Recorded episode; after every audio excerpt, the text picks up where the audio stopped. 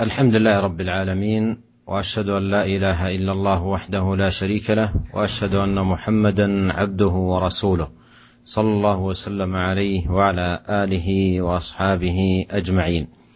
أما بعد اولا أيها الإخوة المستمعون الكرام نحن على مقربة وارتقاب وانتظار لشهر حلول شهر رمضان المبارك شهر الخيرات والبركات والعطايا والهبات أفضل الشهور وأعظمها شهر الله الذي أنزل الله تبارك وتعالى فيه القرآن.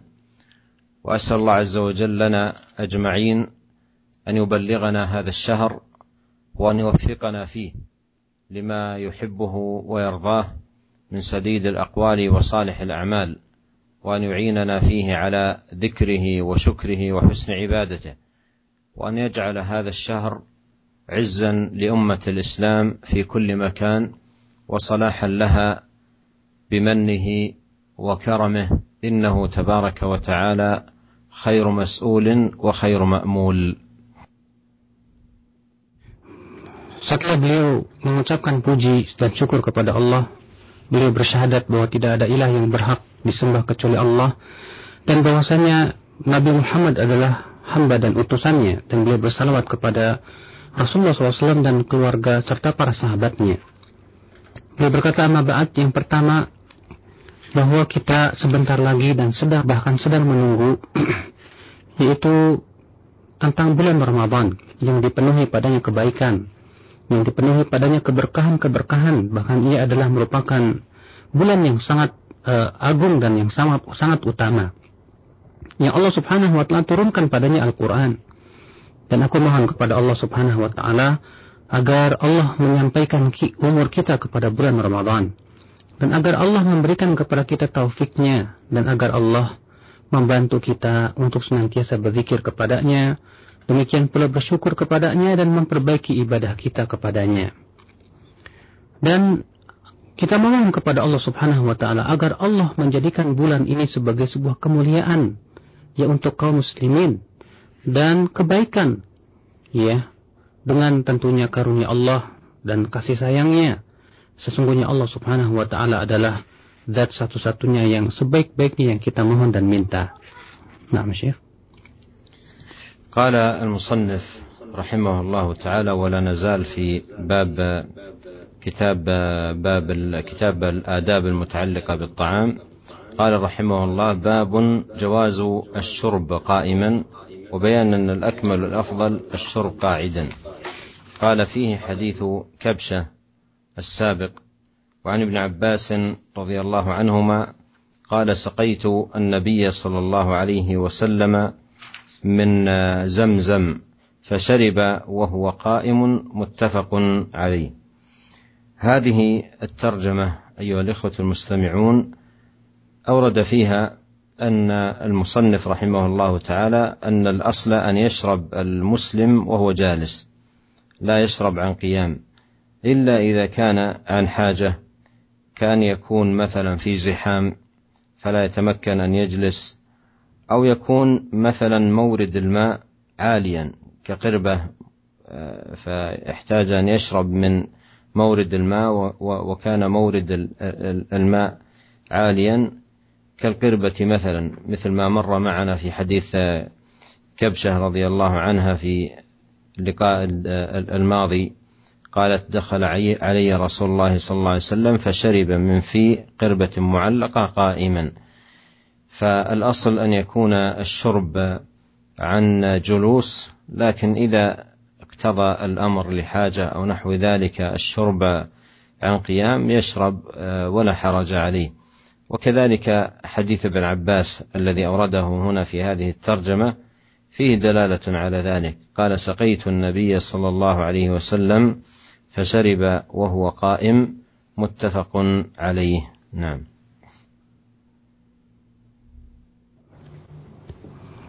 Kemudian kita kata beliau masih di bab yaitu e, penjelasan tentang adab-adab yang berhubungan dengan makan dan minum di mana beliau di sini membawakan hadis bahwa Nabi Shallallahu Alaihi Wasallam yang melarang seseorang minum sambil berdiri. Artinya kata beliau bahwa pada asalnya minum itu harus sambil duduk ya, tidak boleh seseorang itu minum sambil berdiri. Dan itu merupakan pokok atau asal daripada minum. Dikecualikan darinya apabila uh, ternyata uh, tempat minum itu adalah sesuatu yang tinggi atau memang perkara yang memang sangat dibutuhkan. Ya, sebagaimana telah lewat dari hadis Abu Kabsyah bahwa ya, Nabi SAW masuk dan kemudian Rasulullah SAW yang mengambil uh, minum yang tergantung, lalu kemudian beliau ya uh, minum sambil berdiri. Jadi ini menunjukkan kata beliau bahwa pada asalnya uh, di dalam masalah minum itu hendaknya kita itu sambil duduk dan tidak boleh sambil berdiri. Nah, Syekh. ثم أورد رحمه الله تعالى جملة من الأحاديث في الشرب قائما قال وعن نزال بن سبرة قال أتى علي رضي الله عنه على باب الرحبة فشرب قائما وقال إن وإني رأيت رسول الله صلى الله عليه وسلم فعل كما رأيتموني فعلت. رواه البخاري. وعن ابن عمر رضي الله عنهما قال كنا نأكل على عهد رسول الله صلى الله عليه وسلم ونحن نمشي ونشرب ونحن قيام. رواه الترمذي وقال حديث حسن صحيح. وعن عمرو بن شعيب عن أبيه عن جده رضي الله عنه قال رأيت رسول الله صلى الله عليه وسلم يشرب قائما وقاعدا. رواه الترمذي وقال حديث حسن صحيح. وهذه الأحاديث كلها فيها الشرب قائما ولكنه محمول على الجواز عند الحاجة محمولا على الجواز عند الحاجة كوجود زحام مثلا أو مثلا كون مورد الشرب عاليا أو نحو ذلك. وذلك لأنه قد جاءت احاديث فيها نهي وزجر عن الشرب قائما. منها ما أورده رحمه الله تعالى قال وعن أنس عن النبي صلى الله عليه وسلم أنه نهى أن يشرب الرجل قائما قال قتادة فقلنا لأنس فالأكل؟ قال ذلك أشر أو أخبث رواه مسلم. وفي رواية الله أن النبي صلى الله عليه وسلم زجر عن الشرب قائما. قال وعن أبي هريرة رضي الله عنه قال قال رسول الله صلى الله عليه وسلم لا يشربن أحد منكم قائما فمن نسي فليستقي وهذه الأحاديث الأخيرة التي أوردها رحمه الله واضحة في الزجر والنهي والمنع من الشرب قائما وما جاء من أحاديث فيها شربه عليه الصلاة والسلام قائما فإنه يحمل على أنه فعل ذلك لأمر عارض كزحام أو عدم مكان للجلوس بسبب الزحام أو لكون مورد الماء عاليا أو نحو ذلك. والا فان الاصل ان يشرب المرء قائما وان ياكل ان يشرب جالسا وان ياكل جالسا والله اعلم Kemudian dia membawakan beberapa hadis yang menunjukkan tentang bahwa minum itu hendaknya sambil duduk dan bukan sambil berdiri. Di antaranya hadis Nazal bin Sabr bin Sabrah, semoga Allah meridhoinya ia berkata, "Ata Aliun babar rahbah." Bahwa Ali radhiyallahu anhu mendatangi pintu rahbah, lalu ia minum sambil berdiri. Ia berkata, Sesungguhnya aku melihat Rasulullah sallallahu alaihi wasallam melakukan seperti yang kalian lihat aku melakukannya. Dikeluarkan Imam Bukhari dan dari hadis Ibnu Umar semoga Allah meridhoinya ia berkata, kunna na'kulu ala ahdi Rasulullah SAW dahulu kami makan di zaman Rasulullah SAW wa nahnu namshi ya sedang dalam sedangkan kami sedang berjalan. Wa nashrabu wa nahnu qiyam dan kami minum dalam keadaan sambil berdiri. Dikeluarkan oleh Tirmidzi dan Tirmidzi berkata hadis hasan sahih. Di sini hadis-hadis ini menunjukkan kata beliau ya bahwa uh, apa namanya diperbolehkan seakan-akan apa menunjukkan diperbolehkannya seseorang minum sambil berdiri. Ya, akan tetapi kata beliau pada asalnya bahwa minum itu sebetulnya tidak diperbolehkan sambil berdiri kecuali kalau ada hajat. Ya, seperti misalnya karena sangat e, ramai atau karena ada hajat-hajat yang lainnya atau karena misalnya tempatnya itu tinggi sehingga dibutuhkan untuk berdiri padanya. Ya, maka dari itulah Al-Imam An-Nawawi membawakan hadis-hadis yang menunjukkan tentang larangan untuk minum sambil berdiri. Ya di antaranya hadis Amr bin Shu'aib dari ayahnya, dari kakeknya bahwa ia berkata, Aku melihat Rasulullah SAW minum sambil berdiri dan sambil duduk. Yaitu dari hadis Anas juga dari Nabi Shallallahu Alaihi Wasallam bahwasanya ya beliau melarang seseorang minum sambil berdiri. Lalu Qatadah berkata, kami berkata kepada Anas, bagaimana dengan makan? Maka beliau berkata, itu lebih buruk lagi. Dan juga hadis Abu Hurairah radhiyallahu anhu bahwa Rasulullah SAW sabda, "La yashrabanna ahadun minkum qa'iman." Janganlah salah seorang dari kalian yang minum sambil berdiri. Faman nasiya yastaqi dan siapa yang lupa maka hendaklah ia memuntahkannya. Hadis-hadis ini yaitu hadis Anas dan hadis Abu Hurairah sangat jelas sekali menunjukkan larangan untuk minum sambil berdiri. Ya, dan ada pun hadis-hadis yang menunjukkan menunjukkan bahwa seakan-akan boleh sambil berdiri, maka itu ya dibawa kepada makna karena adanya hajat. Seperti misalnya karena adanya e, keramaian atau sesuatu yang sulit kita untuk melakukan sambil duduk. Ya karena kita su sudah sebutkan kata beliau bahwa pada asalnya minum itu diper tidak diperkenankan sambil berdiri, akan tetapi hendaklah dia makan dan minum sambil duduk. Nah, Syekh. ثم قال المصنف رحمه الله تعالى باب استحباب كون ساقي القوم آخرهم شربا.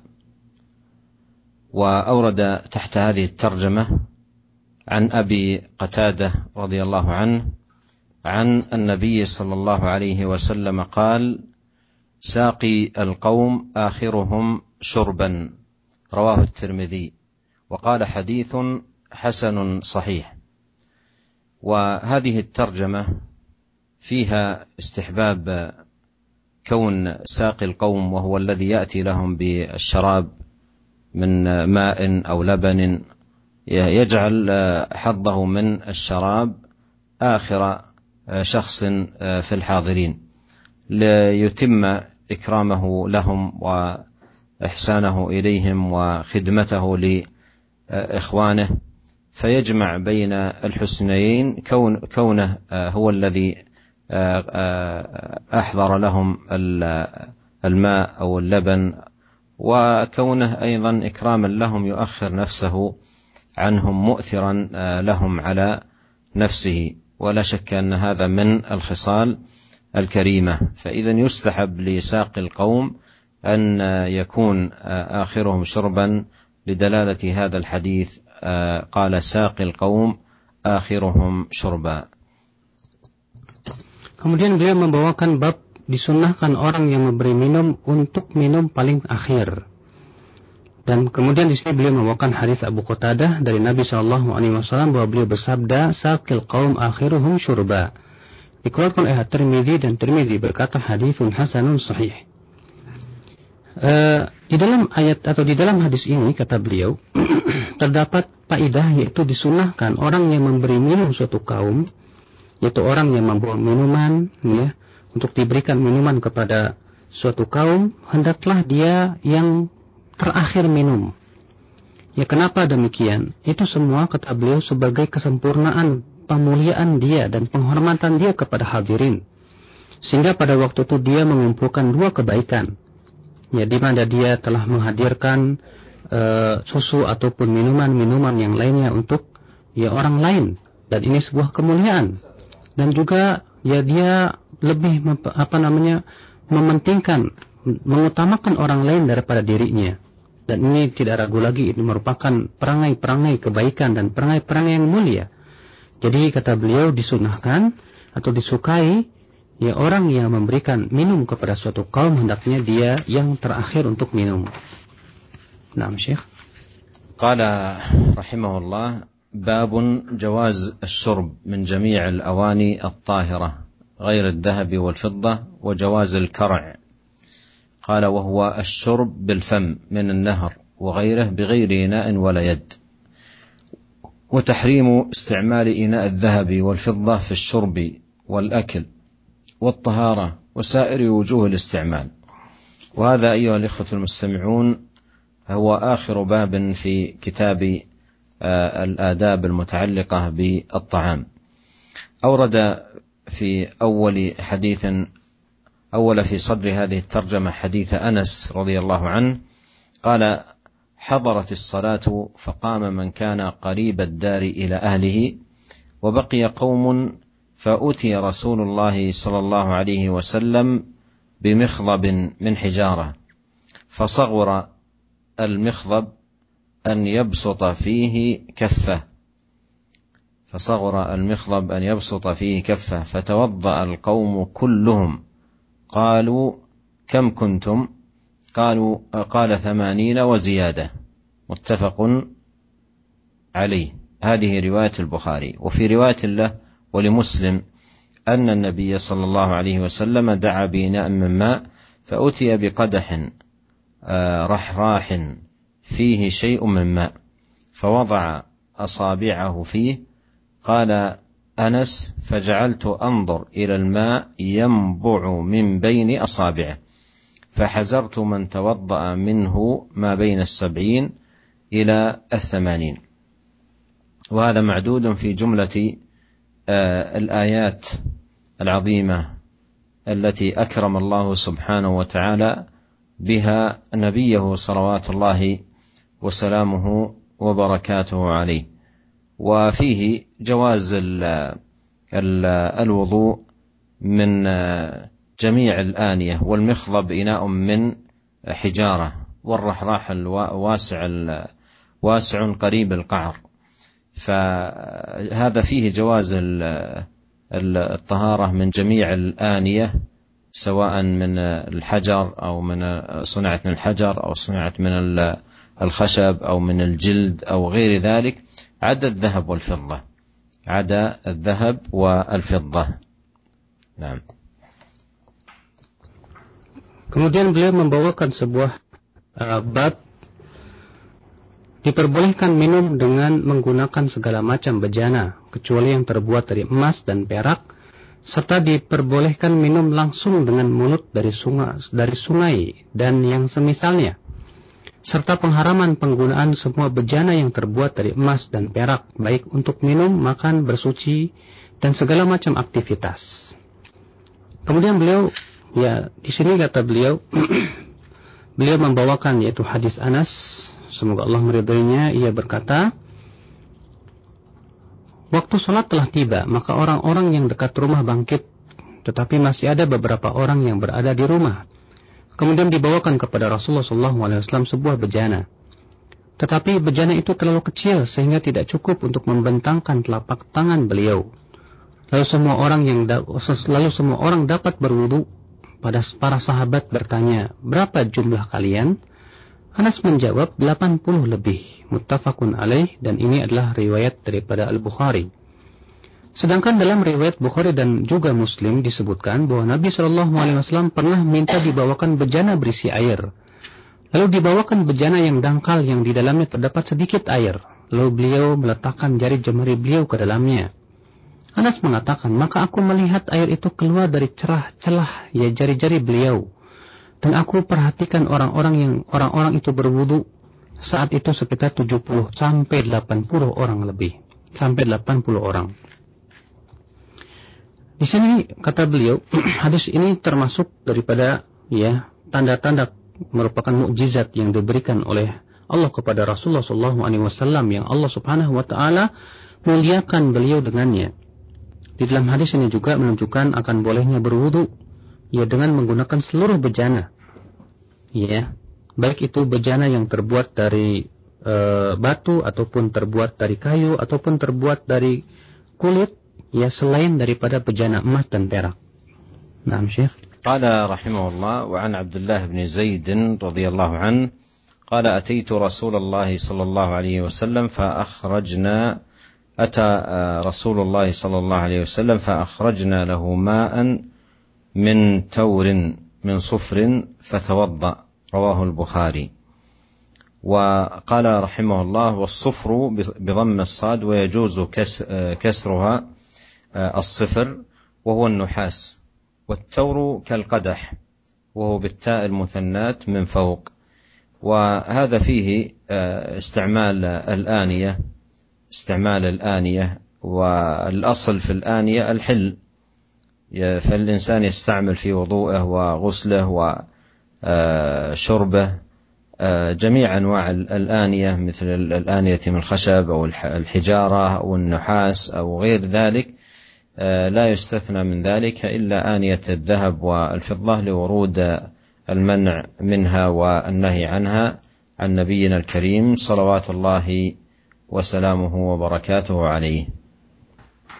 Kemudian dia membawakan hadis Abdullah bin Zaid semoga Allah meridainya ia berkata bahwa Nabi Shallallahu alaihi wasallam datang kepada kami. kami pun mengeluarkan untuk beliau air dari dalam bejana yang terbuat dari kuningan. Lalu beliau berwudu dikeluarkan oleh Imam Bukhari. As-sufr atau dengan dikasrohkan yaitu as-sifr yaitu kuningan ya dan sedangkan at-taur adalah sejenis daripada bejana di dalam hadis ini menunjukkan diperbolehkannya menggunakan eh, bejana-bejana apa saja. Dan di mana kata beliau kaidah asalnya bahwa yang berhubungan dengan bejana itu adalah boleh-boleh saja dan halal. Maka silahkan seseorang menggunakan ya bejana apa saja untuk berwudu, ya dan demikian pula untuk minumnya. Ya baik itu uh, dari kayu ataupun batu ataupun dari yang lainnya, namun dikecualikan daripadanya itu emas dan perak karena adanya dalil yang melarang dari Nabi Shallallahu Alaihi Wasallam. Nah, Syekh.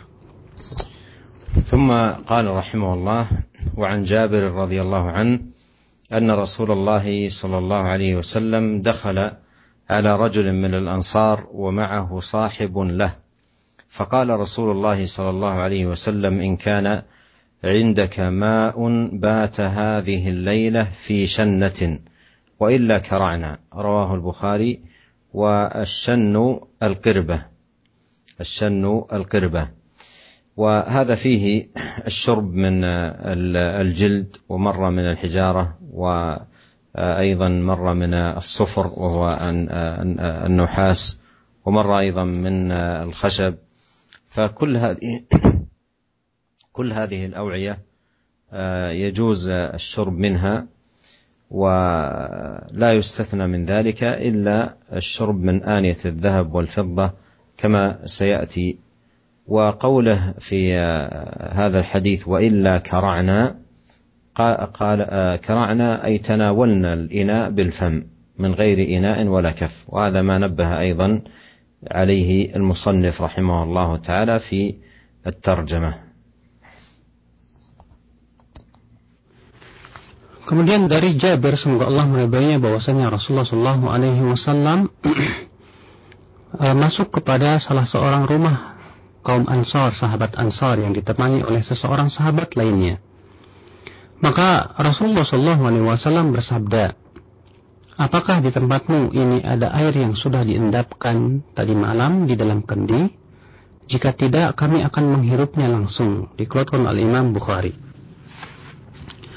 Asyan yaitu yang dimaksud dengan asyan yaitu ember. Di dalam hadis ini menunjukkan uh, diperbolehkan minum ya dari bejana yang terbuat dari kulit. Yang sudah lewat itu diperbolehkan juga yang terbuat dari batu, demikian pula dari kuningan, demikian pula dari kayu. Semua ini adalah bejana-bejana yang diperbolehkan dipergunakan untuk minum dengannya. Namun dikecualikan emas dan perak sebagaimana akan datang ya. Adapun sabda Rasulullah wa illa kara'na artinya kami akan memakannya dengan langsung dengan mulut ya dengan tanpa e, bejana ataupun juga dengan tanpa menggunakan telapak ya apa namanya telapak jari jemari atau telapak tangan. Nah, Syekh. ثم أورد رحمه الله تعالى حديث حذيفة رضي الله عنه قال إن النبي صلى الله عليه وسلم نهانا عن الحرير والديباج والشرب في آنية الذهب والفضة وقال هي لهم في الدنيا أي الكفار وهي لكم في الآخرة أي أيها المؤمنون. متفق عليه. وأورد أيضا حديث أم سلمة رضي الله عنها أن رسول الله صلى الله عليه وسلم آه، قال الذي يشرب في آنية الفضة إنما يجرجر في بطنه نار جهنم متفق عليه. وأورد أيضا رحمه الله تعالى قال وفي رواية إن الذي يأكل أو يشرب في آنية الفضة والذهب. قال وفي رواية له من شرب في في إناء من ذهب أو فضة فإنما يجرجر في بطنه نارا من جهنم فإنما يجرجر في بطنه نارا من جهنم. وهذه هذا هذه الأحاديث أيها الإخوة المستمعون صريحة في النهي والمنع من الشرب أو الأكل في آنية الذهب والفضة. وفيها هذا الوعيد الشديد وأن الشرب في آنية الذهب والفضة ليس من صنيع أهل الإسلام ولا أمة محمد عليه الصلاة والسلام وإنما هو من صنيع الكفار وأعمال الكفار. وأما المسلم فإنه يتجنب ذلك. ثم انظر إلى هذا الوعيد. قال إنما يجرجر في بطنه نار جهنم.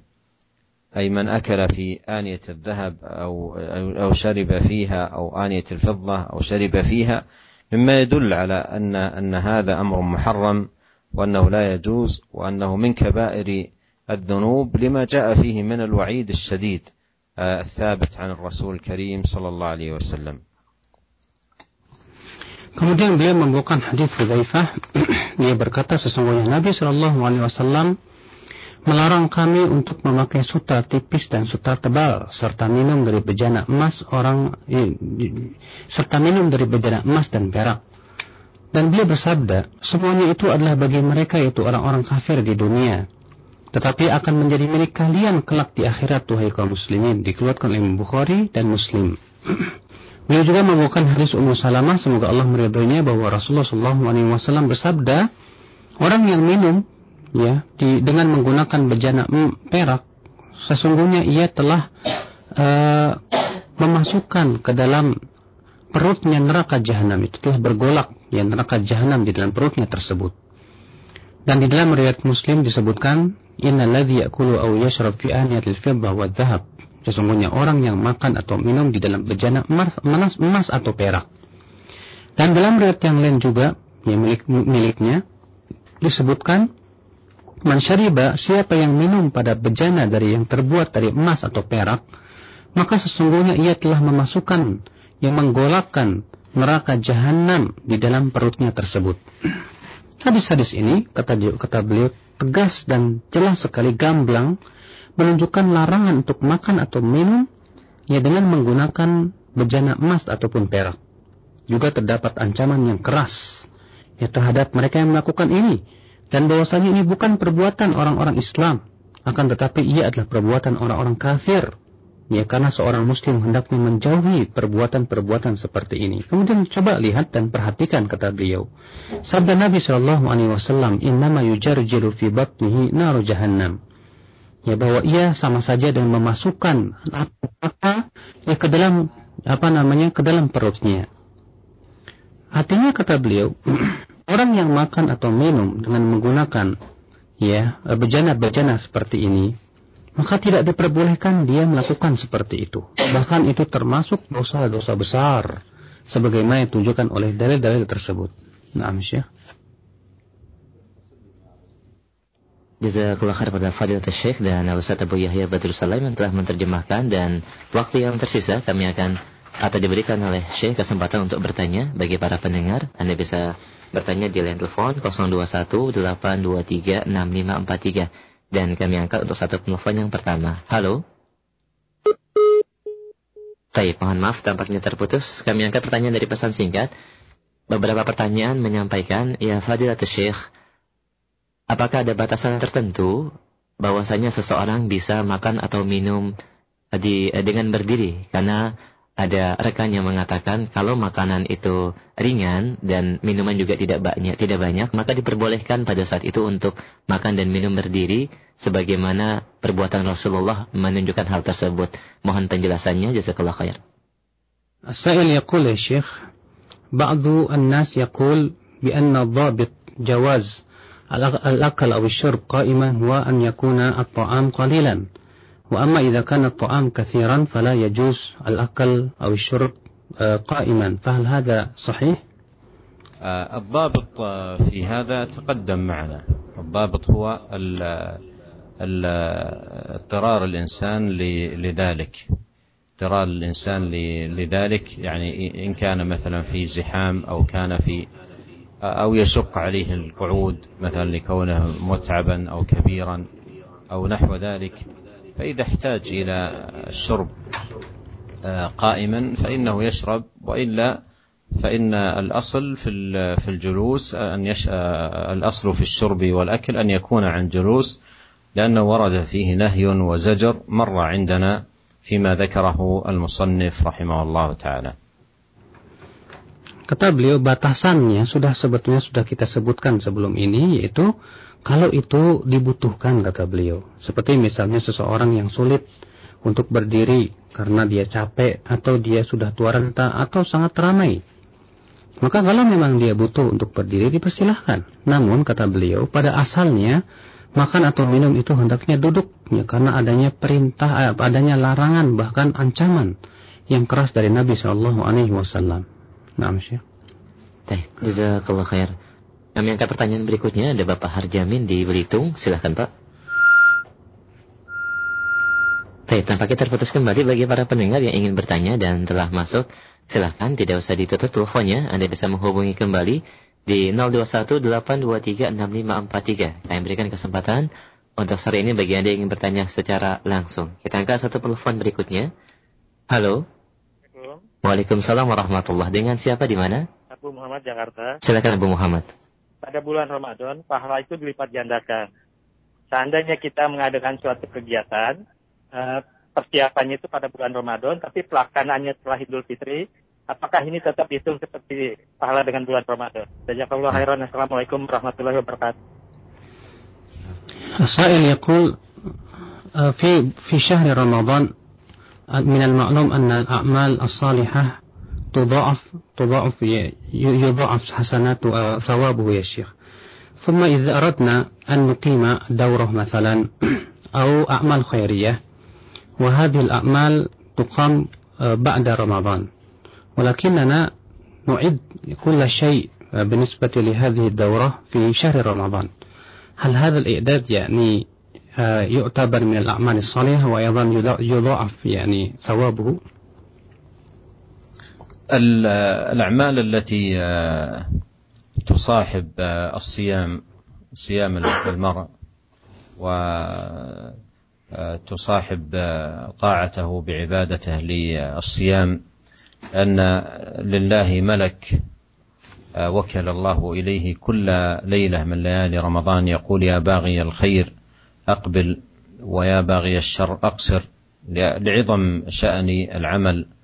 والطاعة في هذا الموسم العظيم المبارك فلا شك أن من يوفقه الله عز وجل للصدقة في في رمضان يوفقه الله عز وجل لقراءة القرآن في رمضان لطلب العلم في رمضان لا شك أن هذا من من أسباب مزيد الأجر ومزيد الثواب لعظم هذا الشهر وعظم مكانته.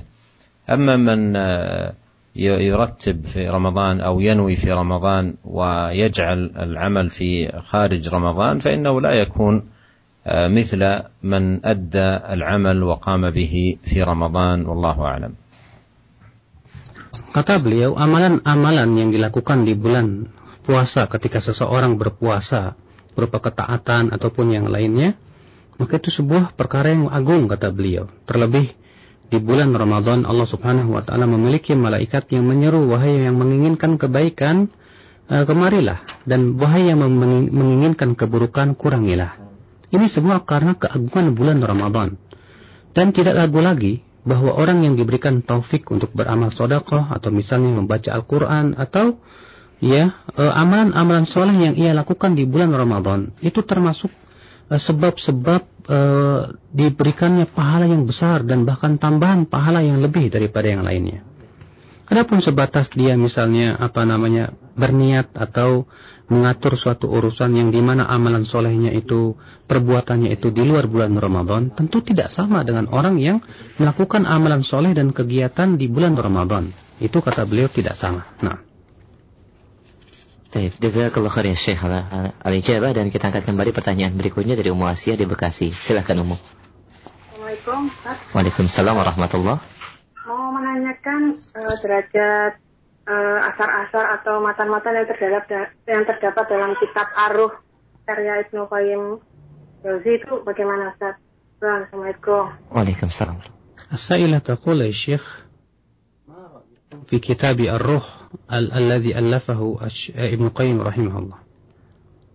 وبالنسبة للآثار والأحاديث في هذا الكتاب يا شيخ. كتاب الروح كتاب صحيح النسبة للإمام ابن القيم رحمه الله تعالى. ومن المعلوم أن من يجمع في باب واحد ولم يشترط الصحة فيما يجمع. قد يورد بعض الأخبار الغريبة أو القصص الغريبة أو نحو ذلك. فربما يكون في هذا الكتاب شيء من هذا القبيل باعتبار أنه أراد أن يجمع الأخبار التي ذكرت والأقوال التي قيلت فيما يتعلق بالروح وتكون هذه الأقوال أو الأخبار محل تمحيص من من طالب العلم وتحقيق وتثبت منها واما الكتاب فهو لابن القيم رحمه الله تعالى وثابت النسبة اليه رحمه الله Kata beliau bahwa kitab Ar-Roh memang betul sekali ya dinisbatkan kepada Muqayyim. Namun ya terkadang seorang penulis yang mengumpulkan pada sebuah bab dan ia pun tidak memberikan syarat apa-apa untuk memasukkan asar-asar atau hadis-hadis di dalamnya. Terkadang di dalamnya ada ya hadis-hadis ataupun asar-asar yang aneh ya. Dan terkadang juga ada asar-asar yang ya bahkan e, dianggap sesuatu yang tidak sahih kata beliau. Akan tetapi si penulis ini si bapak penulis ini hanya sebatas ingin untuk mengumpulkan semua kabar-kabar dan asar-asar yang berhubungan tentang masalah tersebut. Maka dari situ tentu seorang penuntut ilmu hendaknya berusaha untuk mengoreksinya. Kemudian ya betul-betul memilah antara yang sahih dan yang lainnya. Adapun kitab Ar-Ruh itu sendiri memang betul kata beliau itu adalah tulisan Al-Imam Ibnu Qayyim. Baik, jazakallah khair atas jawabannya dan kami angkat kembali penelpon yang berikutnya ada Bapak Indra di Pangkal Pinang. Silahkan Pak. Assalamualaikum Ustaz. Waalaikumsalam warahmatullahi Assalamualaikum Ustaz. Nah, Waalaikumsalam. Silahkan. Assalamualaikum warahmatullahi